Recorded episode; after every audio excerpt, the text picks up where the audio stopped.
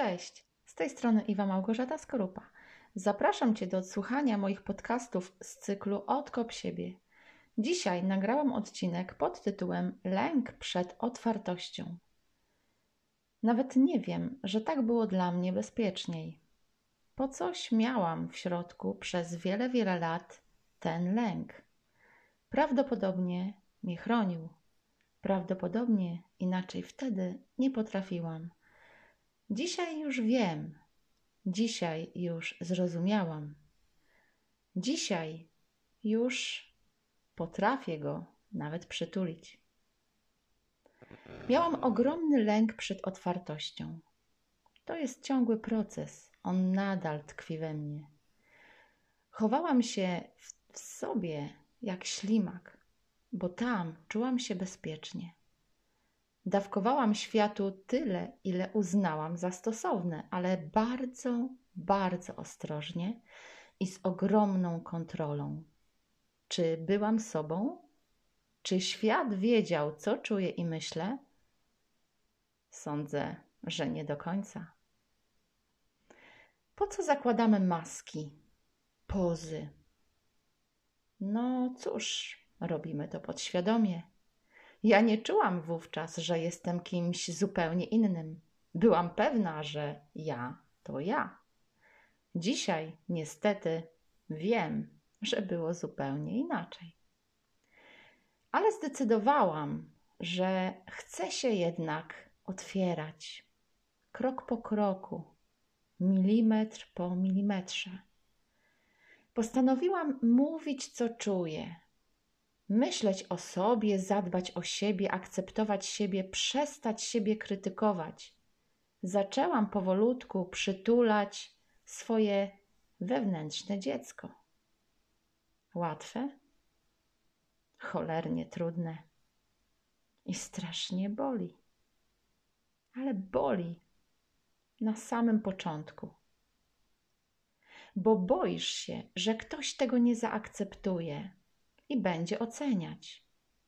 Boli, bo to coś kompletnie nowego, innego. To wychodzenie ze strefy komfortu, ale całkiem świadome. Zapytasz, czy warto? Odpowiem: Oczywiście, warto.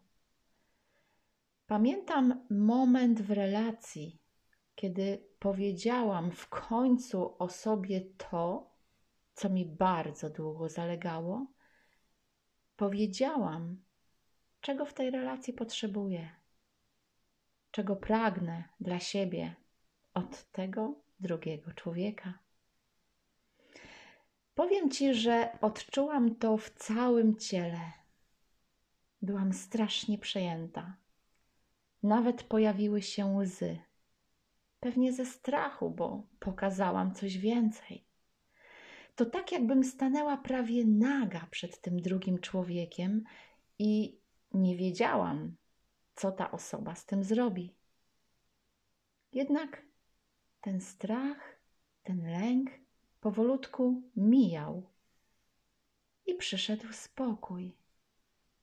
Porównałabym ten stan do ciszy, do błogości. Byłam szczęśliwa, że się odważyłam Byłam szczęśliwa, że nie zdradziłam siebie. Dzisiaj wiem i mówię to z całą odpowiedzialnością. Nie chcę masek. Chcę żyć i kochać życie. Jak to zrobić? Słuchaj siebie, swojej duszy. Zostaw rozum chociaż na chwilę gdzieś na półce i pytaj siebie, czego tak naprawdę potrzebujesz, czego pragniesz. To nie jest egoizm, to jest Twój obowiązek, bo Ty jesteś najważniejsza.